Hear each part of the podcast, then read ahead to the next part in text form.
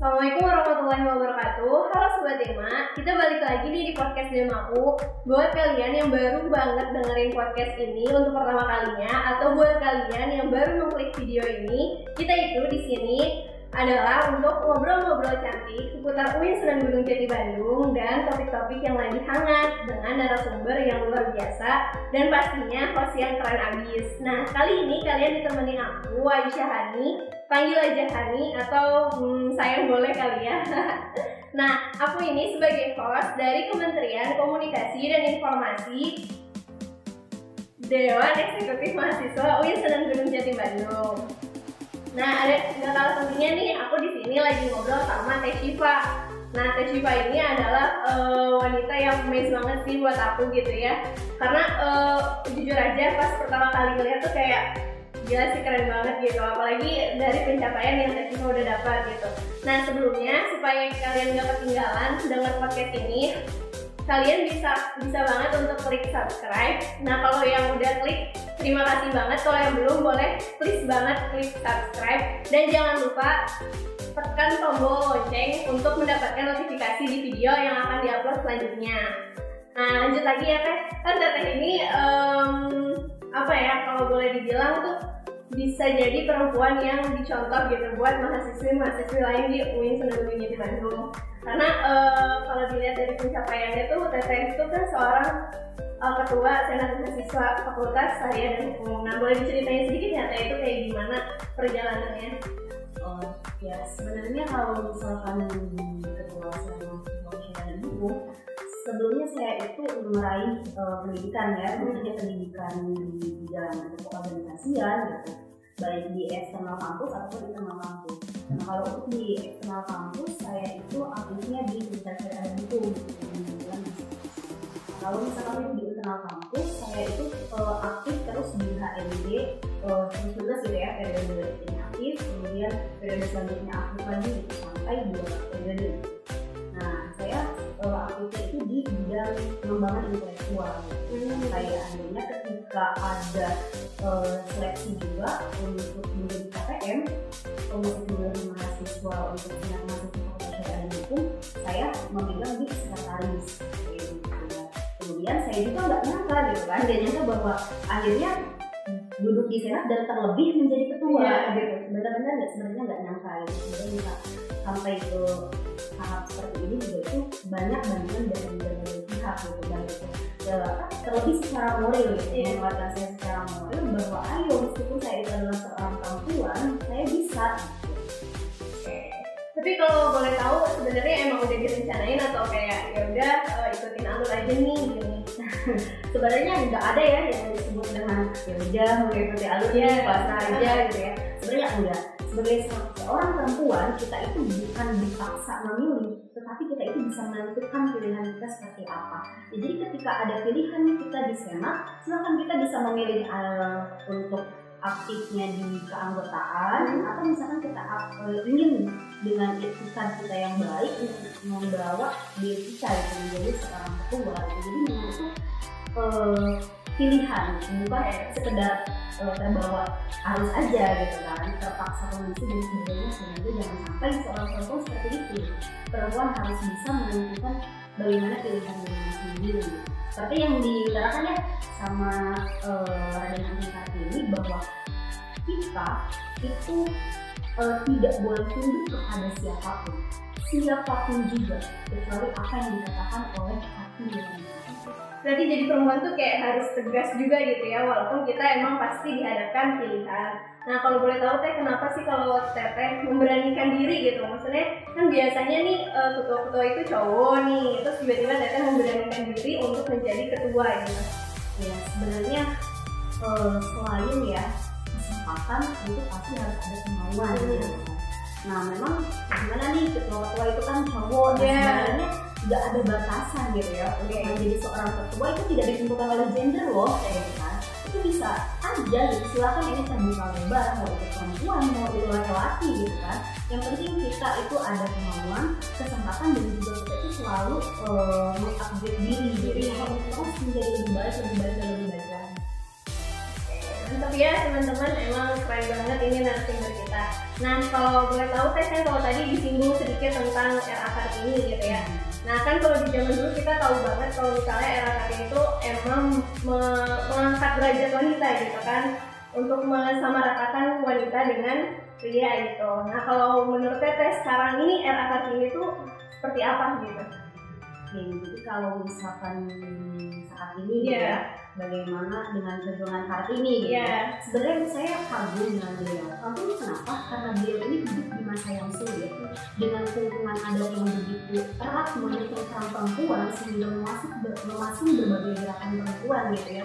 Perempuan tidak bisa bebas, tidak bisa bebas seperti saya gitu kan. Jadi saya juga termasuk eh, memanfaatkan jasa-jasa yang telah beliau ukir gitu.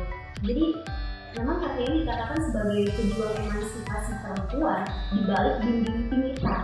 Nah ini ada poin lebihnya karena apa di balik dinding pingitan itu berarti eh, benar-benar dalam keadaan kondisi yang sangat-sangat dibatasi gitu beliau untuk melakukan berbagai gerakan dan ide-ide pemikiran ternyata saat ini dengan kehidupan beliau yang singkat ya.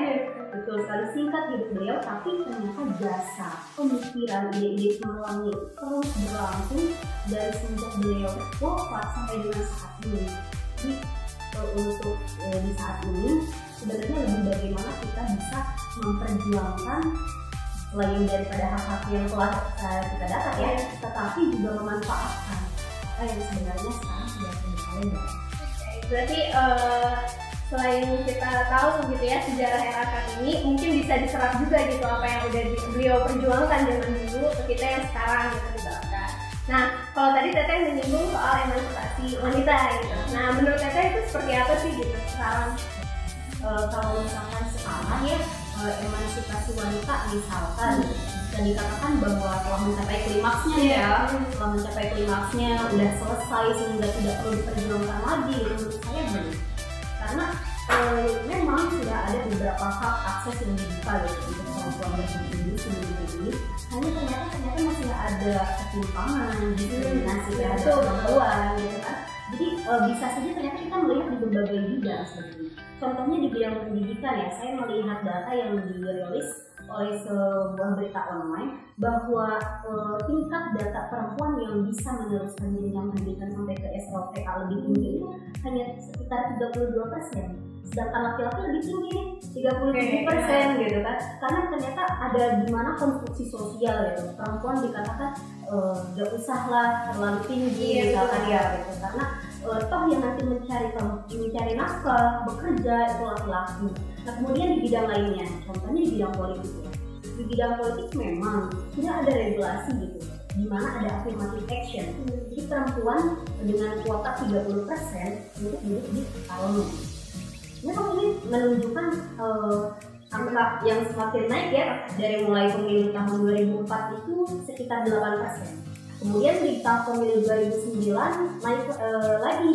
Eh pemilu di 2014 ya naik lagi. Itu sampai dengan 11% nah, kemudian eh, sampai di pemilu yang kemarin yang baru 2019 itu naik eh, menjadi 18% gitu kan Eh, dari 18% naik menjadi 20,5% persen di pemilu 2019 kemarin. Nah, tapi ternyata dari eh, penelitian hasil Puspato itu ya bahwa di antara semua perempuan yang parlemen itu 6% saja yang merupakan dari eh, maksudnya profesional dan kemudian dia profesional yang mencalonkan diri pada saat itu secara mandiri gitu dan itu baru pertama kali berkontestasi politik gitu. Jadi sisanya itu ada seperti eh, telah aktif dari dulu gitu kan, baik itu di partai politik dan misalkan juga ada kedekatan gitu misalkan partai politik. Jadi akhirnya kan ada seudomitas gitu lah ya. Jadinya kok perempuan akhirnya diberdayakan hanya untuk memenuhi itu aja gitu, sekedar formalitas. Makanya Mengisi kekosongan gitu Iya, ya. jadi kan akhirnya eh, perempuan sendiri gitu harus bisa eh, menunjukkan diri lah gitu ya bahwa kita juga bisa gitu kan kita itu bukan hanya sekedar eh, mengisi kekosongan Hmm. saja gitu kan. Jadi saya sebenarnya sepakat dirinya dengan eh, pendapat Helena Sepeli bahwa jika melihat emansipasi yang diperjuangkan Kartini di masa lalu, kemudian di masa sekarang dikatakan sudah selesai gitu ya, dikatakan sudah mencapai eh, klimaksnya gitu ya, sudah mencapai klimaksnya dan tidak perlu turun lagi sebenarnya salah. Anggapan seperti itu.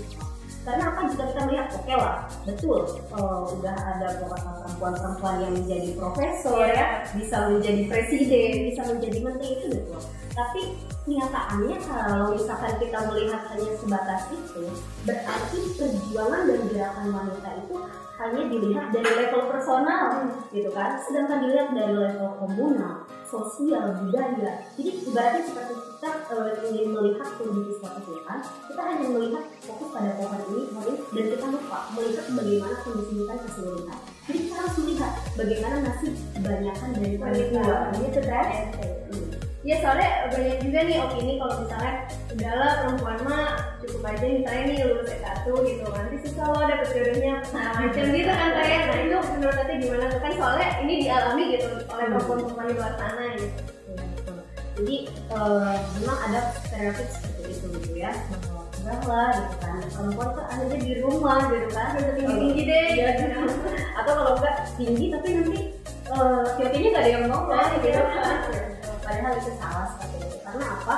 Yang diperjuangkan oleh saat ini salah satunya gitu ya di dalam yang beliau emansipasikan untuk hak hak yang setara dengan perempuan poin paling penting adalah mengenai intelektual bagaimana perempuan harus bisa menjadi terdidik dan mempunyai keterampilan? Karena apa? Eh Kartini berkata bahwa perempuan mengalami ketidakadilan itu disebabkan adanya ketidaksetaraan dan ketidaksetaraan ini akibat dari tidak terbukanya akses yang setara dengan laki-laki dalam hal pendidikan. Ini jadi pertamanya itu poin pertama Intelektual. adalah ya intelektual pendidikan untuk perempuan. Jadi kalau misalkan toh punya pendidikan yang enggak, dia nggak akan sadar bahwa dirinya itu ternyata eh, ini loh kita tuh ternyata belum setara gitu. Jadi tapi ternyata masih banyak hak yang belum kita dapatkan. Jadi memang poin pertama kali tadi adalah jadi untuk perempuan harusnya tidak boleh takut gitu ya untuk bisa meraih mimpi-mimpinya gitu. Untuk pendidikan setinggi-tinggi juga itu nggak usah harus seperti itu. Gimana kalau misalnya nanti kan laki-laki gak ada yang mau? berarti laki-lakinya yang menganggap dirinya rendah gitu kan. Jadi malah takut sama dominasi perempuan gitu. Berarti udah itu berarti bukan level kita. Gitu. jadi eh, kalau misalkan eh, perempuan itu dia kualitasnya baik tentu laki-laki yang bersanding pun Kualitas baik juga, gitu. kan. Yang setuju kita soalnya eh, walaupun yang mungkin anggapannya udahlah ntar juga perempuan balik lagi ke rumah. Tapi tetap kan perempuan itu menjadi pintu utama gitu buat pendidikan generasi selanjutnya gitu kan. Jadi kayak menurut aku pasti harus harus banget gitu untuk kita perempuan tuh menuntut ilmu setinggi tingginya gitu kan. Nah kalau menurut Teteh nih sekarang kan eh, banyak banget nih perempuan yang kayak eh, kadang insecure tuh malu-malu kayak aduh aku kan pantas gak ya misalnya mau milih sesuatu aku pantas gak ya? Tapi kayak gini nih ada banyak pertimbangan dan insecuritas lainnya gitu. Nah menurut Teteh gimana nih cara mengatasinya dan jadi sebenarnya eh, bagaimana ya perempuan milenial yang dimanjakan oleh teknologi bisa menjadi seorang kartini gitu ya kartini Eh, saya mengutip perkataan dari Nadia Shihab bahwa yang dikatakan kartini modern adalah perempuan-perempuan yang percaya diri tidak malu punya ambisi dan juga eh, terus berjuang untuk meraih mimpi-mimpi jadi kalau misalkan kita merasa malu gitu ya itu mungkin ada di mana secara tidak sadar dibangun karakter ataupun konstruksi sosial seperti itu gitu. Memang dengan stereotip sekarang perempuan adalah super bina itu mau tidak mau akhirnya di bawah alam bawah sadar mungkin akan dibangun seperti itu. Nah tapi bagaimana kita sebagai perempuan kita harus mampu membuktikan diri kita sendiri. Nah ini tentu ketika kita mampu membuktikan diri kita sendiri lingkungan pun akan terbawa lingkungan pun akan berubah gitu kan? Akhirnya membawa eh, efek yang lebih baik lagi gitu. jadi sebenarnya kadang juga merasa sakit hati gitu ya. Ketika kita sebagai perempuan eh ternyata yang menghujat kita perempuan lagi gitu kan? Yang bikin kita down perempuan lagi gitu kan? Dikatakan ini janganlah gitu kan? Itu tuh cewek gitu. sebenarnya maka dari itu ya kita butuh eh, lingkungan juga lingkungan yang sama-sama eh, saling menyemangati gitu. Baik itu perempuan ataupun laki-laki gitu kan. Karena setelah perempuan ini ber- berani untuk percaya diri membuktikan diri gitu ya untuk tidak malu-malu itu perlu sekali dukungan dari lingkungannya. Gitu lingkungan yang bisa terus menyokong ya untuk untuk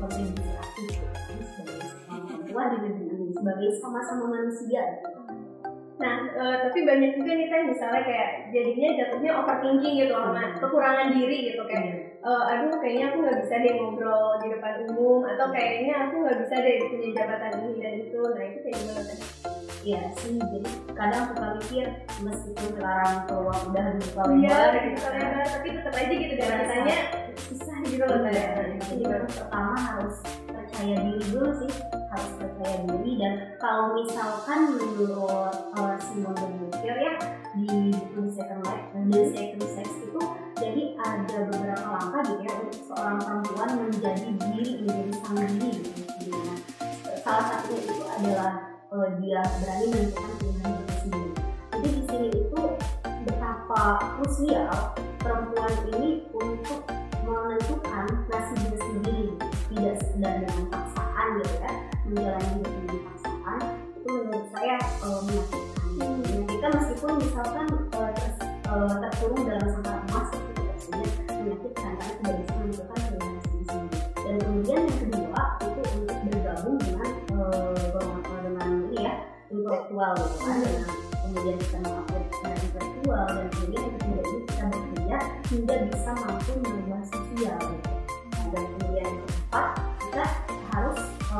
melakukan transformasi jadi jangan meng- jangan em, mengakui diri bahwa kita itu tidak mampu gitu loh jadi harus Jangan membatasi diri iya jadi jangan ya. membatasi diri sendiri gitu.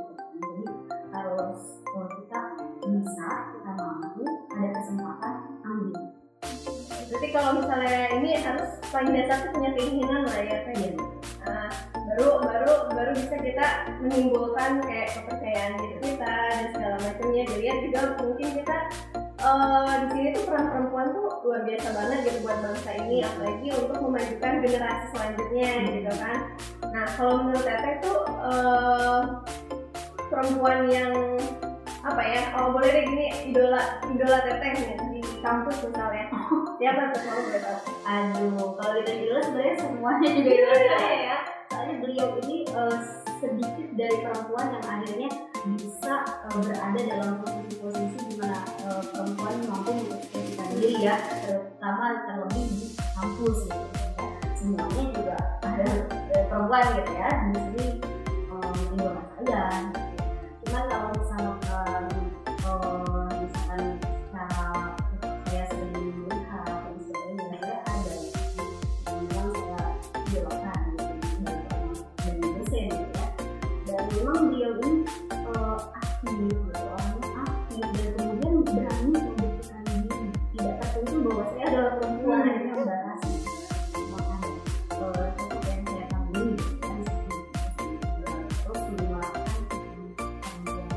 Ya, berarti kalau misalnya masih merasa insecure gitu, jangan takut ya buat eh, apa ya keluar dari zona nyamannya gitu kan, karena kita sendiri itu yang harus menciptakan struktur buat kita kehidupan selanjutnya itu lebih terjamin lah, lebih cerah gitu ya.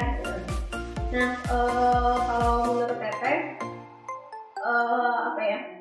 Kan kita sering banget nih dihadapin sama dua pilihan namanya manusia itu pasti punya pilihan kan nah tapi gimana nih misalnya pilihan dari orang tua nih kebanyakan kasus di luar kan eh, orang tua tuh misalnya udahlah S1 nikah aja nih tapi kita ada kemauan lain gitu misalnya mau S2 nih mau ambil profesi atau segala macam nah menurut gimana? memang ya sebenarnya eh, bisa dianggap ini dilematis perempuan Iya, kebanyakan betul. Di situlah letak pentingnya bahwa kita itu sebenarnya yang sangat sering kali dilupakan ya ditanyakan kepada perempuan. Bukan kita misalkan harus selalu dihadapkan dalam pilihan. Sebenarnya enggak. Perempuan bisa meraih semuanya. Perempuan bisa meraih semuanya. Jadi sebenarnya salah untuk memaksakan perempuan gitu ya. Karena mereka lupa bertanya apa sebenarnya yang diinginkan. Jadi kalau misalkan memang dia menginginkan seperti itu, nah itulah bukti dari sebuah penghargaan kepada manusia lainnya, pada perempuan. Jadi kalau menurut saya tidak harus perempuan itu selalu dihadapkan dengan pilihan. maksudnya meraih semua itu? Meraih semuanya jadi baik itu untuk eh, karir misalkan di Mm-mm. pendidikan maupun di rumah tangganya gitu kan melalui pernikahan. Jadi sebenarnya perempuan bisa meraih semuanya dan tidak harus memilih. tidak harus memilih karena yang terpenting adalah menanyakan apa yang dibutuhkan oleh perempuan itu berarti sebenarnya harus ditanya lagi balik ke diri kita gitu ya kalau misalnya dipilihkan sebenarnya emang kamu maunya apa? Mau seperti apa ke depannya? Dan jangan jangan dipaksa. Gitu dipaksa karena gitu, itu udah diperjuangkan loh dulu oleh oleh kartini itu supaya perempuan bisa uh, menentukan nasibnya sendiri gitu kan. Untuk tidak dipaksa gitu. udah udah diperjuangkan loh dulu gitu. Jadi seharusnya kita pun tetap dengan semangat yang sama dengan ide-ide pemikiran yang sama gitu ya. Bahwa kita pun harus bisa mencontoh seperti itu. Hmm, tapi teh kan kalau kultur di masyarakat tuh lekat banget tuh kayak gitu loh teh Iya. menurut teteh tuh harus yang diubah tuh siapanya gitu teh? Jelas bermula dari diri sendiri gitu kan karena kan kita juga melihat misalkan di sosok Kartini ini dia, eh, dia itu pahlawan emansipasi tapi dibalik dinding hitam. Itu sulit loh kalau misalkan bukan dari diri sendiri ya jadi beliau memilih perjuangan dengan mengangkat pena sampai akhirnya kan sekarang banyak yang kita melihat surat-surat eh, beliau gitu korespondensi dengan orang-orang eh, luar Indonesia gitu.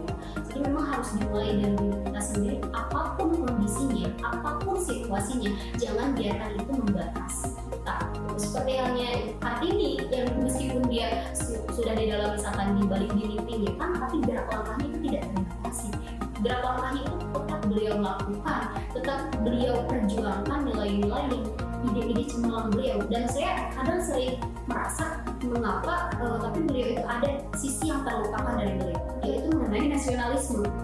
Jadi eh, karena memang eh, begitu eh, dikenal tentang emansipasi perempuan ada sisi nasionalisme gitu ya yang dalam artian umum gitu. Beliau di dalam surat-suratnya mengatakan kita orang kita. Jadi kan di situ belum ada tuh yang disebut dengan bangsa Indonesia Iya. gitu kan. Tapi beliau di situ sudah merasa bahwa ada nilai kebersamaan Hmm. rakyat gitu kan untuk memperjuangkan membebaskan rakyat dari kolonial. Jadi begitu jadi selain daripada emansipasi perempuan ada yang penting juga gitu yang pemikiran beliau itu mengenai nasionalisme.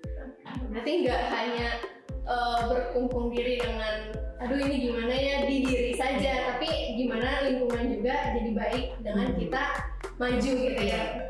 Oke. Nah eh, kalau teteh ada pesan nggak nih buat mahasiswa mahasiswi yang ada di sini gitu di UIN Sunan Gunung tentu ada. Ya tentu ada. Jadi yang pertama yang ingin saya sampaikan dengan uh, semangat yang sama dengan ide-ide cemerlang dari Ibu Kartini uh, kita sering kali memperingati Hari Kartini. Tapi itu hanya dibalut dengan seperti perempuan berdandan cantik, memakai kebaya. Menurutnya, menurut saya itu agak ironi jika pemikiran dan semangatnya itu tidak dilanjutkan oleh kita gitu ya. Jika itu tidak menjadi api kobaran semangat untuk perempuan-perempuan selanjutnya menjadi kartini di masa ini. Jadi yang pertama itu berkaitan dengan eh, intelektual, di mana perempuan harus menjadi terdidik eh, dan memiliki keterampilan yang terasah. Dan kedua itu memperjuangkan eh, hak-hak yang saat ini belum eh, didapat seperti halnya yang lain gitu ya belum setara dan tidak kalah penting memanfaatkan pintu yang telah dibuka lebar untuk perempuan berkontribusi di dunia ini. Itu harus dimanfaatkan dengan sebaik-baiknya baik di bidang sosial, ekonomi, politik, budaya, pendidikan itu harus dimanfaatkan sebaik-baiknya. Jadi ayo yuk Kartini masa kini perempuan milenial saat ini jangan biarkan kondisi dan situasi itu membatasi. Jangan biarkan eh, budaya-budaya bisa memasung diri kita gitu kan. Memasung diri kita untuk ikut kontribusi di dalam negeri berdedikasi untuk karena kelanjut generasi gitu kan ya. Jadi kita tetap mampu bersama langkah kita buktikan diri kita gitu ya saat ini masa kini meskipun bisa saja gitu ya kondisi itu menjadi sulit kehidupan menjadi pendita terpenuhi Iya. gitu ya tapi saat ini masa kini tentu tidak perjuangannya tidak akan berhenti begitu jadi eh, sebenarnya memang betul harus dimulai dari diri kita kemudian kita bak- akan bisa merubah lingkungan jika kita secara konsisten terus menerus berusaha untuk Oke. Eh, nah gitu ya teman-teman. Jadi kalau misalnya nih masih ada pikiran-pikiran aduh kayaknya nggak bisa deh atau mungkin uh, kalau bisa dibilang mah krisis identitas juga gitu ya kan. Uh, aduh sebagai perempuan jangan banget gitu sayang banget kalau misalnya kita mengkredit diri kita sendiri gitu. Jadi mengkerdilkan diri kita sendiri gitu dari lingkungan luar gitu. Nah kita juga di sini harus uh, apa ya tadi itu mengembangkan intelektual kita juga gitu ya. Karena terlebih uh, dari apa pun itu yang paling penting itu adalah uh, pendidikan kita sendiri gitu untuk masa yang akan datang. Nah, mungkin uh, ada kata-kata penutup dari teteh? Uh, kata-kata penutup dari saya uh, seperti yang ujaran-ujaran bijak yang hmm. itu sangat banyak. Dan memetik hikmah bahwa dalam masa hidup beliau yang singkat tapi ternyata jasa dan kontribusinya itu terus berkembang sepanjang masa dan semangat perjuangan beliau aktif hati ini dari sampai padam sampai kapan pun harus tetap diperjuangkan. Sebagai perempuan ataupun laki-laki pun harusnya seperti itu gitu ya. Harus turut andil di dalam mengenalkan bahwa mendukung menyokong perempuan sebagai sesama ini karena ini juga berkata saya itu hanya diberi kesempatan saja saya hanya butuh diberi kesempatan saja hmm. gitu kan saya akan membuktikan diri bahwa perempuan juga manusia bahwa perempuan adalah manusia manusia seperti laki-laki begitu kata berarti sebenarnya perempuan juga mampu atas iya. apa pun kan? perempuan itu manusia yeah. manusia seperti laki-laki gitu sama aja beda bedanya apalagi udah dibuka uh, lebar-lebar gitu ya Nah, uh, apa ya? Um, udah. Oke, okay, uh, eh, terima kasih ya buat Teteh uh, ya untuk uh, penyampaian materi tentang era Kartini ini. Semoga uh, kita dalam uh, memperingati itu memperingatinya nggak cuma kayak physically aja gitu, tapi coba lihat lagi sejarahnya apa yang dia perjuangkan dan gimana sih diterapkan di masa kini gitu. Oke, terima kasih Teh untuk kehadirannya dan berbagi di sini. Uh, segitu dulu aja podcast Demau kali ini. Jangan lupa like, komen, dan subscribe. Jadi kalau misalnya kalian mau uh, narasumbernya siapa, boleh banget untuk di komen di bawah dan di like ya jangan lupa. Dadah. Assalamualaikum warahmatullahi wabarakatuh. Waalaikumsalam.